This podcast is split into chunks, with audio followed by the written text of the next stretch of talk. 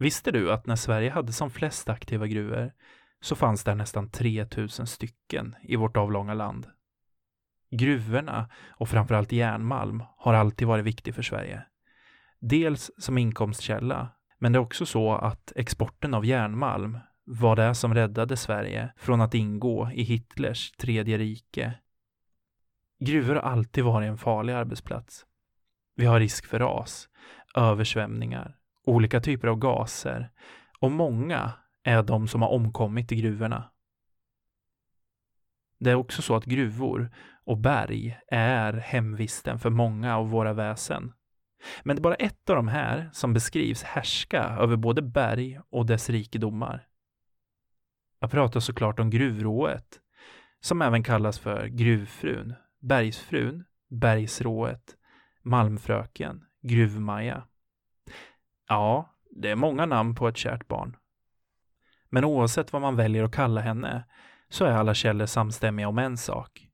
Att henne ska man hålla sig väl med. Gruvrået beskrivs nämligen vara lika lättstött som hon kan vara givmild. Av den här anledningen så är hon både fruktad och älskad av gruvarbetarna. Genom att visa henne respekt så håller man sig på god fot med henne. Och det här, det gör man genom att knacka tre gånger vid gruvöppningen innan man går in. Om det enda man då hör är ekot av sina egna knackningar så är det fritt fram att gå in. Men om man hör en röst eller ett annat läte ur bäckmörkret så ska man inte beträda gruvan den här dagen. Man kan också visa gruvfrun respekt genom att vara arbetsam och sköta sina sysslor som planerat. Att skrika, vissla, svära eller, gud förbjude, spotta i berget är inte särskilt uppskattat och man kan då råka ut för gruvråets vrede. Men gruvrået, hon varnar också för ras och olika olyckor. Och ett säkert tecken på att en olycka skulle komma att ske, det var om man såg den vackra och bleka gruvfrun iklädd en svart klänning nere i gruvorna. Det här, inom folktron, kvinnoväsen i svarta kläder, är ett säkert dödsbud. Och såg man det här så var man tvungen att illa kvickt lämna gruvan och på så sätt kunde man undslippa olyckan. I alla fall den dagen. Genom att offra till gruvrået i form av exempelvis en klänning eller god mat så kan man, om hon då accepterar ditt offer, bli visad oändliga rikedomar. Och det finns ju då beskrivet i en rad olika folksägner hur arbetare offrar till gruvrået och belönas genom att hitta rikedomar. Men i lika många sägner så har arbetarnas glada skrik i samband med upptäckten förargat gruvfrun och rikedomarna har försvunnit omgående. Till skillnad från sina släktingar, sjörået och skogsrået, så är gruvrået inte särskilt intresserad av att förföra män som vistas i gruvorna. Och det här, det var ju paradgren både för sjörået och skogsrået. Men gruvrået, hon är en ensam varg som trivs i rollen som härskare över berget och vill ha sina rikedomar i fred. Och jag heter Erik Ekblad. Du lyssnar på podcasten Radioväsen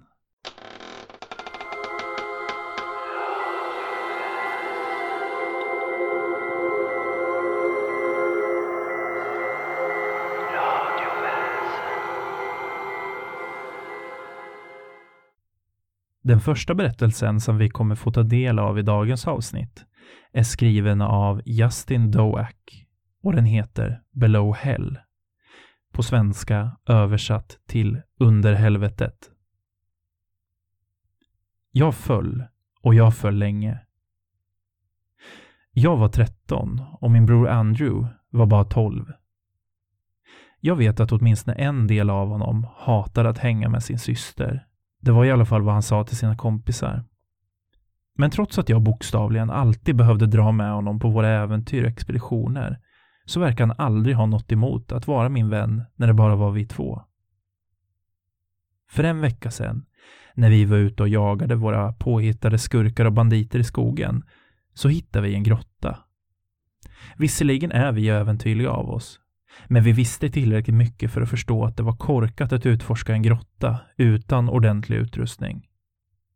Så därför så planerade vi istället för att åka tillbaks till grottan redan nästa helg. Under veckan som gick så kom vi fram till att vi behöver namnge vår nya upptäckt. Och efter lite fram och tillbaka så bestämde vi oss för att kalla den för Död mans krökning. Vi var egentligen inte säkra på att krökning var ett ord eller hur man stavade. Men det lät som något som vi hade hört i en gammal westernfilm. Dessutom skulle det låta riktigt coolt när vi berättade om grottan för våra vänner. När lördagen kom så var det soligt och vi anlände till Dödmans krökning strax innan klockan ett. Vi blev lite försenade eftersom mamma hade gjort korv till lunch och det, det ville vi verkligen inte missa. Den här gången så var vi ordentligt förberedda. Stövlar, ficklampor, cykelhjälmar, handskar, rep och mer extra batterier än vad vi trodde oss kunna behöva. Vi hade sagt till mamma på ett ungefär var vi skulle vara, men vi hade aldrig nämnt grottan. Om något skulle hända och hon var tvungen att leta efter oss så tänkte vi att hon snart skulle upptäcka grottan och lägga ihop två och två. Andrew och jag hade gott om tid att tillsammans utforska Dödmans krökning. Det känns som att det var igår då vi hjälpte varandra över stenrös och genom trånga passager och våra skratt som ekade mellan grottans väggar. Att vi var så dumma och så hänsynslösa. Ni vet, den där typen av hänsynslöshet som bara barn utan uppsikt kan uppbringa. Nåväl. Vi hade just balanserat ner för en brant passage och klämt oss igenom en mycket smal öppning när vi hittar det som vi kom att kalla för grottans stora sal. Och där, precis i mitten av salen, fanns ett stort hål. För oss så såg det ut som ett gigantiskt sår som skoningslöst hade rivits upp i grottans golv och sträckte sig långt upp på grottväggarna. Vi kände en stark dragningskraft och vi var bara tvungna att komma närmare hålet. Efter en försiktig och noggrann observation efter en försiktig och noggrann observation av salens golv med våra ficklampor så kröp vi sedan långsamt framåt för att inspektera själva hålet. Vi var såklart spända av förväntan och de kommande 20 minuterna spenderade vi med att kasta ner stenar av olika storlekar för att försöka avgöra hålets djup. När inte det här nådde något resultat så bestämde vi oss slutligen för att offra en av våra reservficklampor till expeditionens ära. Vi släppte ficklampan och följde den med blicken och såg hur det blinkande ljuset blev svagare och verkade aldrig nå botten. Till slut så såg vi inte ljuset längre. Rummet som vi befann oss i hade vi nu tömt på de flesta småstenar och de ficklamporna vi hade kvar behövde vi ha för att kunna ta oss ut. Så efter ett kort överläggande så bestämde vi oss för att avsluta dagens expedition den stundande middagen hemma påskyndade såklart beslutfattande processen och vi gjorde oss redo för avfärd. Äventyret var slut för idag. Andrew var snabb och gick lite i förväg och väntade på mig vid ingången till den stora salen. Jag var kall och våt, men jag dröjde mig kvar vid hålets kant för att få mig en sista titt ner i den här bottenlösa avgrunden. Jag började resa mig upp för att gå och det var då allt gick fel. Ett oknutet skosnöre gjorde att jag tappade balansen och jag föll handlöst ut i det tomma intet. Jag föll och jag föll länge. I början så skrek jag. Jag skrek och skrek tills dess att min hals var öm och att rösten var hes. Men det hjälpte inte. Jag var ensam i mörkret, fallandes och väntande på det oundvikliga slutet. Men det kom aldrig. Den förvirring som uppstod av det här gjorde bara min panik ännu värre. Luften piskade mina kinder och ifrån mina ögon rann det tårar. Jag kunde inte göra något annat än att falla. Men hur länge skulle det fortsätta? Det kändes som om det varade i en evighet. Jag vände mig om i luften för att kunna se under mig. Även om jag visste att jag aldrig skulle kunna se botten av hålet innan den träffade mig, så var jag bara tvungen att försöka. Det var då jag såg ljuset. Bara en liten, liten ljusstrimma i ett hav av mörker. Men den verkade växa. Föreställ er då min förvåning när jag kom ifatt vår ficklampa. I ren desperation grep jag tag hårt om ficklampan och pressade den emot mitt bröst. En sista påminnelse om verkligheten. Min sista påminnelse. En panikartad känsla for genom min kropp i samma stund som jag bröt vattenytan och sen kippade efter luft. På ren instinkt började min kropp att trampa vatten i det svaga ljuset som lyste upp min omgivning.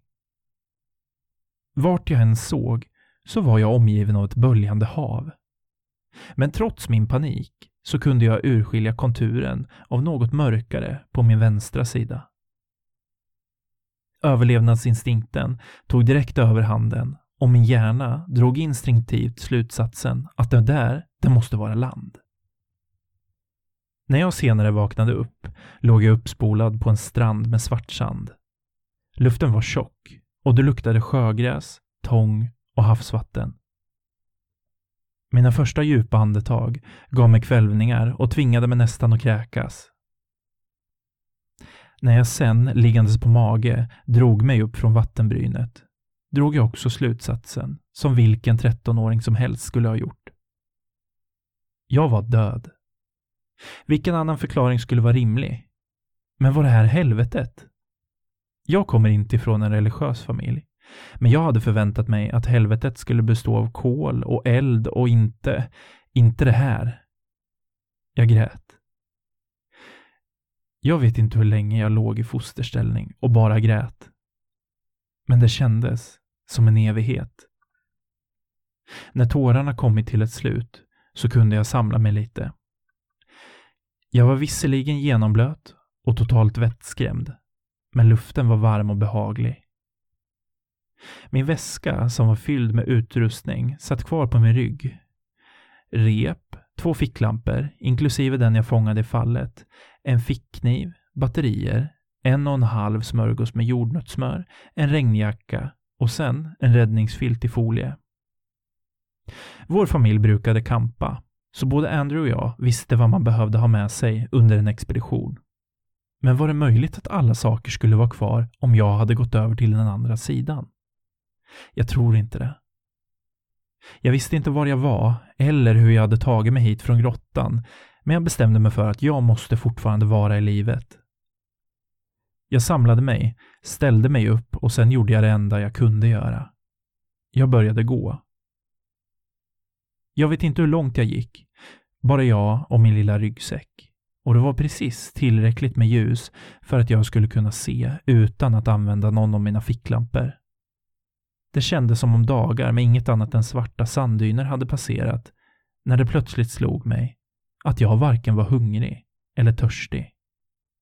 Mina ben, de blev aldrig trötta. Ingen svett. Ingenting. Det var skrämmande, men på samma sätt så var det lite tröstande. Om det här var någon form av evighet, så var jag i alla fall inte miserabel.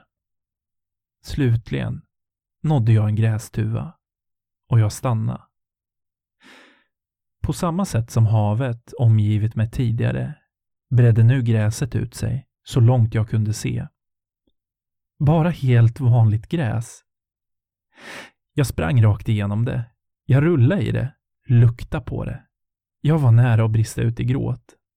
Med nyfunna krafter kunde jag nu fortsätta framåt.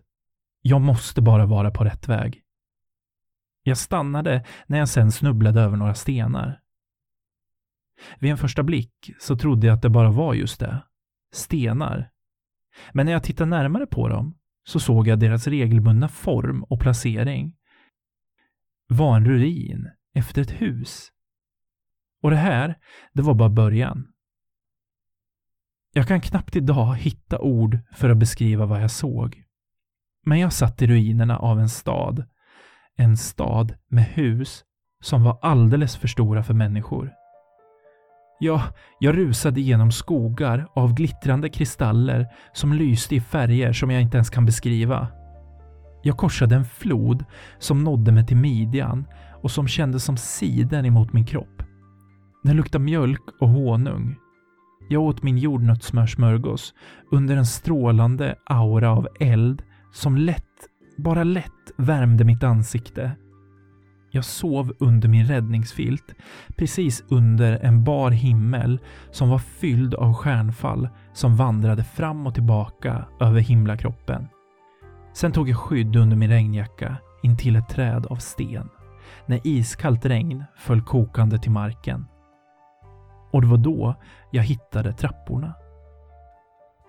Trapporna som såg ut att vara formade av självaste luften. Solid, verklig, omöjlig. Och jag började klättra. Jag klättrade länge. Det kan ha varit så att ljuset sakta ebbade ut och att jag igen befann mig i totalt mörker. Men det spelade ingen roll. Nästa steg var alltid precis där, precis framför mig. Likaså som tidigare hade jag inte en aning om hur länge jag klättrade upp för trapporna. Men jag slet sen ur mitt transliknande tillstånd när jag hörde något som krossades under min fot. Glas. Jag tog fram och tände min ficklampa och så böjde jag mig ner för att inspektera föremålet som jag hade trampat på. Ha, till min förvåning höll jag i vad som återstod av en fotoram. När jag plockade bort bit för bit av det krossade glaset så kände jag igen ett ansikte som jag inte hade sett på en livstid. Mitt eget. I mina darrande händer höll jag ett bleknande skolfoto av mig själv. Jag lyste upp området runt om mig med min ficklampa och då såg jag nedbrunna ljus och massa vissna blommor. Jag vevade med min ficklampa och precis innan batteriet tog slut och den slocknade så uppfattade jag att jag nu befann mig utanför ingången till död mans krökning. Jag kunde knappt hitta vägen hem. Det var som om jag knappt kom ihåg vägen och ingenting i skogen kändes bekant.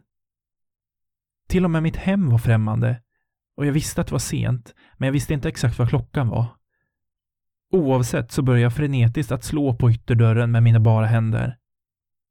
Jag hade ingen aning om vad som hade hänt, men nu, nu var jag äntligen hemma. Den äldre mannen som öppnade dörren var inte en total främling för mig. Men jag kände inte igen honom omedelbart. Bådas våra ögon fylldes av tårar samtidigt som en våg av känslor och insikter sköljde över mig. Jag, en rädd 13-årig flicka. Och så min bror. Min bror som hade plågat så länge och som nu var 50 år äldre än när jag senast såg honom.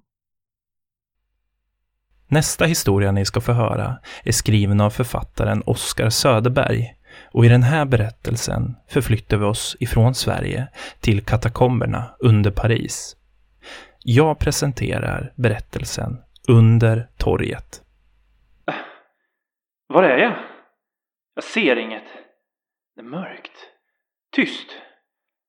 Rummet är fyra långa kliv åt ena hållet och sex åt det andra. Väggar av sten. Är en mur. Annat material på en plats. Är en dörr. Det finns inga handtag. Hur länge har jag varit här? Jag skriker på hjälp men det är ingen som hör. Ingen kommer. Allt kommer bli bra. Är jag död? För ett år sedan så befann jag mig i Paris. Det är en vacker stad, även om den kanske inte är så romantisk som media ofta vill porträttera den. Universitetet där jag hade och fortfarande har min tjänst på deltog i ett utbytesprogram där vi skickade professorer mellan Frankrike och Sverige för att undervisa och föreläsa i olika ämnen. Mitt område är språk, närmare bestämt indoeuropeiska språk och deras uppkomst. Och jag hade just avslutat min sista föreläsning för veckan när hela stan bokstavligen skakade. Det var en explosion som fick staden att skälva. Allmänheten ombads att stanna hemma under kvällen och ja, jag följde händelseförloppet efter den här urladdningen med ett glas whisky från en fåtölj i lånelägenheten där jag bodde. TV-nyheterna visade bilder på hur platsen för detonationen på en millisekund blev reducerad till rök och aska. Det var ett äldre torg som helt plötsligt transformerades till något annat, något väldigt härjat. Ingen av de vanliga grupperna tog på sig dådet. Kanske för att inte en enda person så mycket som skadades, mirakulöst nog. Vanligtvis var det här en populär och välbesökt plats, men just den här dagen så var den helt tom. I de omkringliggande byggnaderna huserade det människor, men krossade rutor var tack och lov det enda resultatet och ingen träffades av splittret. Så lugn och tacksam så gick jag till sängs och lämnade den givetvis fortfarande oroliga staden bakom mig. Även dagen som följde kantrades såklart av nyhetsrapporteringarna.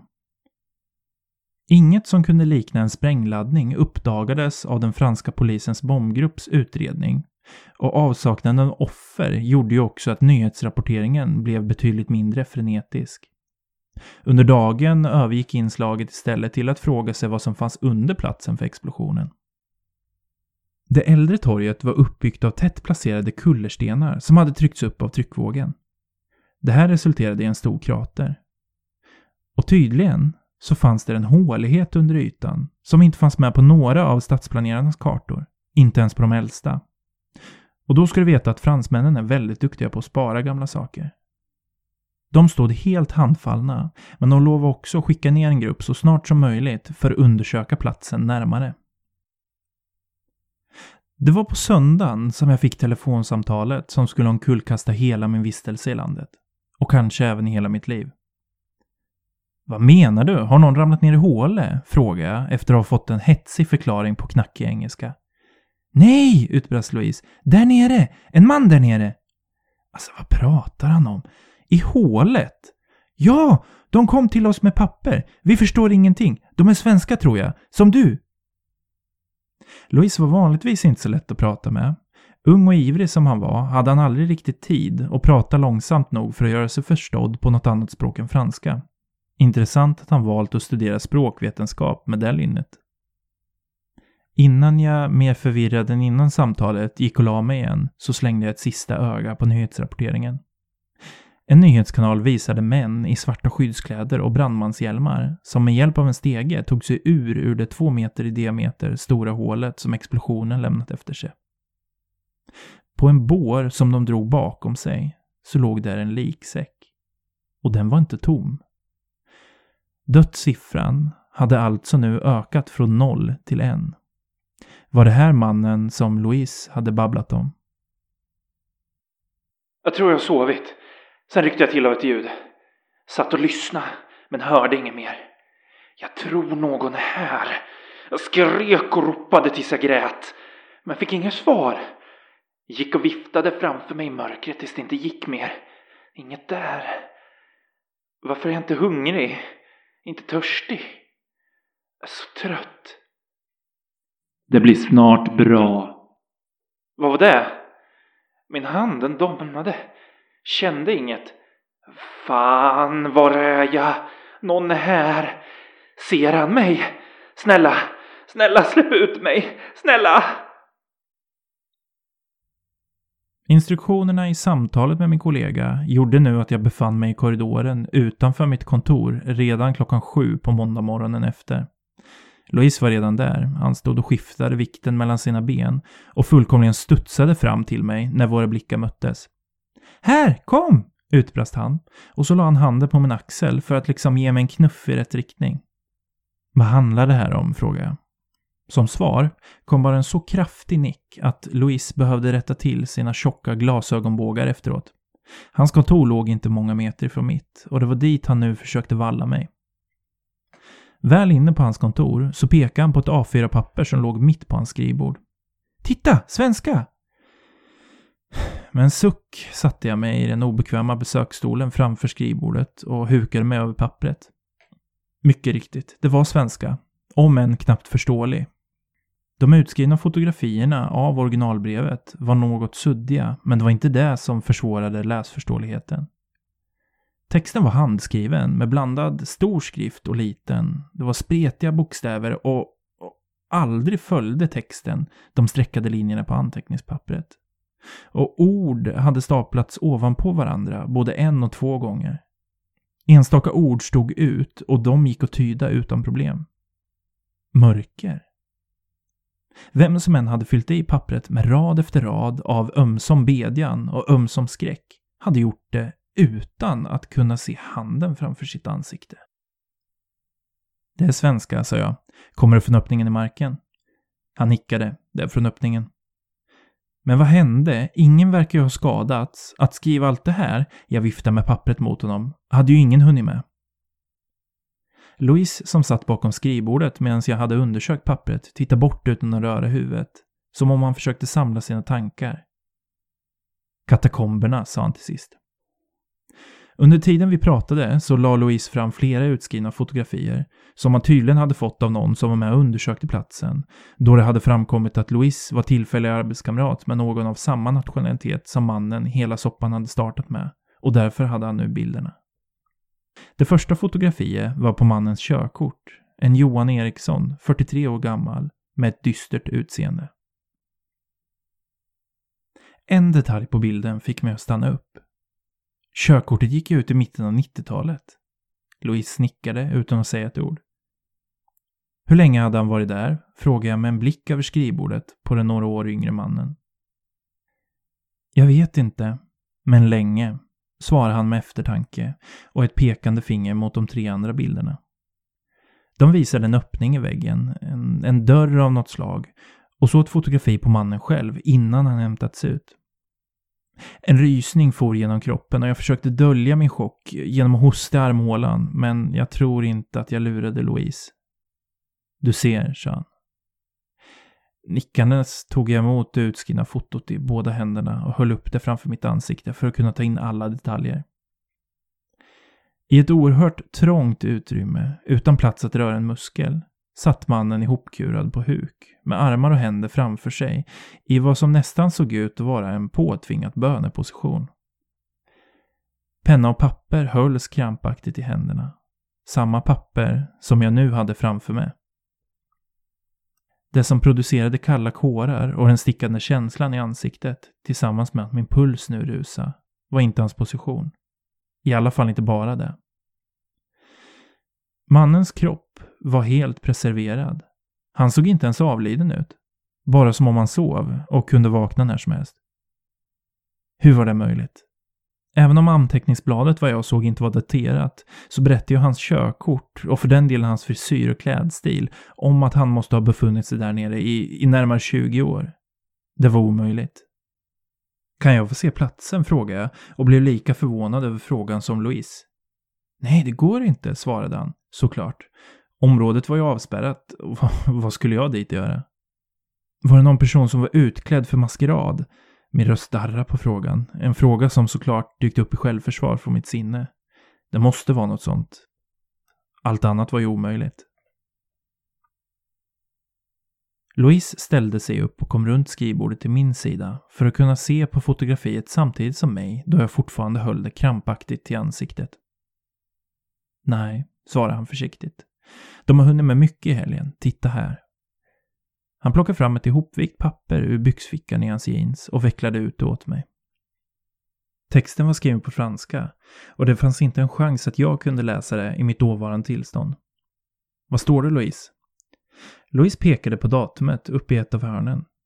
1993 07 12. Det är rapport. Han fick stanna upp och fundera innan han fortsatte på sin nästan oförståeliga engelska. Saknad människa, sa han till sist. Namnet på pappret matchade körkortet och samma rysning som innan kom tillbaka, nu mångdubbelt, och jag ryckte till en snabb inandning. Hur? utbrast jag i en alldeles för hög volym, som om jag la skulden för allt det här på stackars Louise, som nu ryggade tillbaka. Efter en lugnande handrörelse från mig så kom han tillbaka för att stå vid min sida och vi tittade tillsammans ner på pappersarket han placerat framför mig. Vad betyder det här? frågade jag. Louise ryckte bara på axlarna. De vill ha översätta. Eh, veta vad som står innan prata svenska ambassad. Han pekade med långfingret rakt i ansiktet på mig. Du, översätta, nu. Ett par andetag passerade innan han la till. Tack. Efter en kort nick ifrån mig så fick jag med mig alla papper för att gå tillbaka till mitt kontor efter att han har lovat mig att arbetet inte skulle ta mer än ett par timmar. Den sista kommentaren återuppväckte hans ivriga leende och jag misstänkte att han själv skulle läsa min översättning både länge och väl innan den skickades vidare. Det blir snart bra. Ah, stannade upp i korridoren och skakade på huvudet efter en plötslig blixtrande känsla framför ögonen.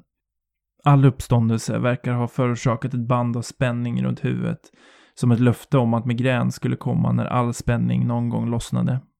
Med en duns satte jag mig ner i min egen kontorsstol, utan att egentligen komma ihåg hur jag hade gått sista vägen. Jag måste haft tankarna på annat. Bilden på körkortet förpassar jag till en byrålåda. Ett namn och en ålder gör egentligen ingen skillnad. Samma behandling fick polisrapporten på franska. Det enda intressanta var beskrivningsfältet, där jag kunde utröna att den som skrivit rapporten hade fått till sig att mannen försvunnit mitt i natten, från sitt hotellrum som han delade med en flickvän, och utan att meddela var han skulle och utan att svara på tilltal. Med bilden på mannen och den text han skrivit framför mig så skred jag nu till verket och försökte skapa någon tydlighet i den skriftliga röran som han lämnat efter sig. Hur lång tid har egentligen passerat? Timmar? Veckor? Allt bara flyter ihop. Ögon som följer mig i mörkret. Jag är inte ensam här. Känner, jag känner. Jag har följt väggen runt hela rummet igen. Sprungit, försökt att fånga. Om jag tar den så kanske jag får dö. Jag mår bra. Snälla, låt det bara sluta. Snälla. När jag satt där och präntade ner ord efter ord som skrivits ner i den becksvarta katakomben så fick jag en egendomlig känsla. Bokstäverna var spretiga och varierade kraftigt i både storlek och prydlighet, där det sistnämnda tyckte spegla sinnesstämningen hos mannen. Med stegrande ångest degraderade noggrannheten markant, och i vissa fall var det närmast omöjligt att läsa vad som hade hänt, eller i alla fall vad mannen hade upplevt hade hänt. Något måste tidigt ha slagit slint. Rädsla kan ge alla möjliga sorters underliga uttryck, men texten vittnar på något sätt om något mer. Med jämna mellanrum kom ett par ord eller en mening där pennan tryckts mot pappret med en sån kraft att den borde ha gått rakt igenom. Så hårt att de här orden stod ut framför alla andra. De stod inte bara ut i det faktum att de såg ut att vara skriven med en annan typ av handstil, utan ett tecken till den svajande handen som textat allt annat. Allt var underligt, absolut, men värre var att det som stod gick helt emot resten av skriftens budskap. Uppmaningarna om lugn passade verkligen inte in. Jag stannade upp och tittade på det lilla jag hade lyckats utröna ur texten. En rysning spred sig ohämmat genom kroppen och håret på mina armar ställde sig på ända. Trots mina försök till lugn och en rofylld andning så kände jag hur pulsen började rusa. Som om jag skulle behöva fly från något osett. Som om jag behövde fly från orden på pappret. Jag kände det. Det är något här. Jag satt ihopkurad. Kanske sov. Kände värme i nacken. Andetag. Fan jävla skit, vad ska jag göra? Hjälp, hjälp, hem. Jag vill hem, snälla. Det här är, det är fortfarande här. Jag känner det precis utom räckhåll. Hjälp, hjälp, snälla, hjälp, snälla. Vi vill vara här. Kom till oss. Vill vara här. Hjälp! Med ett ryck ställde jag mig upp, sköt stolen åt sidan och tryckte ryggen mot väggen. Vad i helvete var det som pågick? Helt uppslukad så hade jag läst vidare utan en tanke på att pränta ner på ett eget papper, utan att kunna slita blicken ifrån mannens papper. Rummet mannen beskrev var stort, eller i alla fall betydligt större än den lilla sarkofagen han hade hittats i. Hade han suttit ihopkurad där nere i mörkret hela tiden och till slut blivit galen och då trott att han befann sig i ett större utrymme? Texten talar ju om en person med sinnesrubbning, helt utan verklighetsuppfattning och med grava paranoida drag, kanske till och med schizofreni. Oavsett så gick inte det råa obehaget att undkomma. Orden var där, både mannens och så de andra.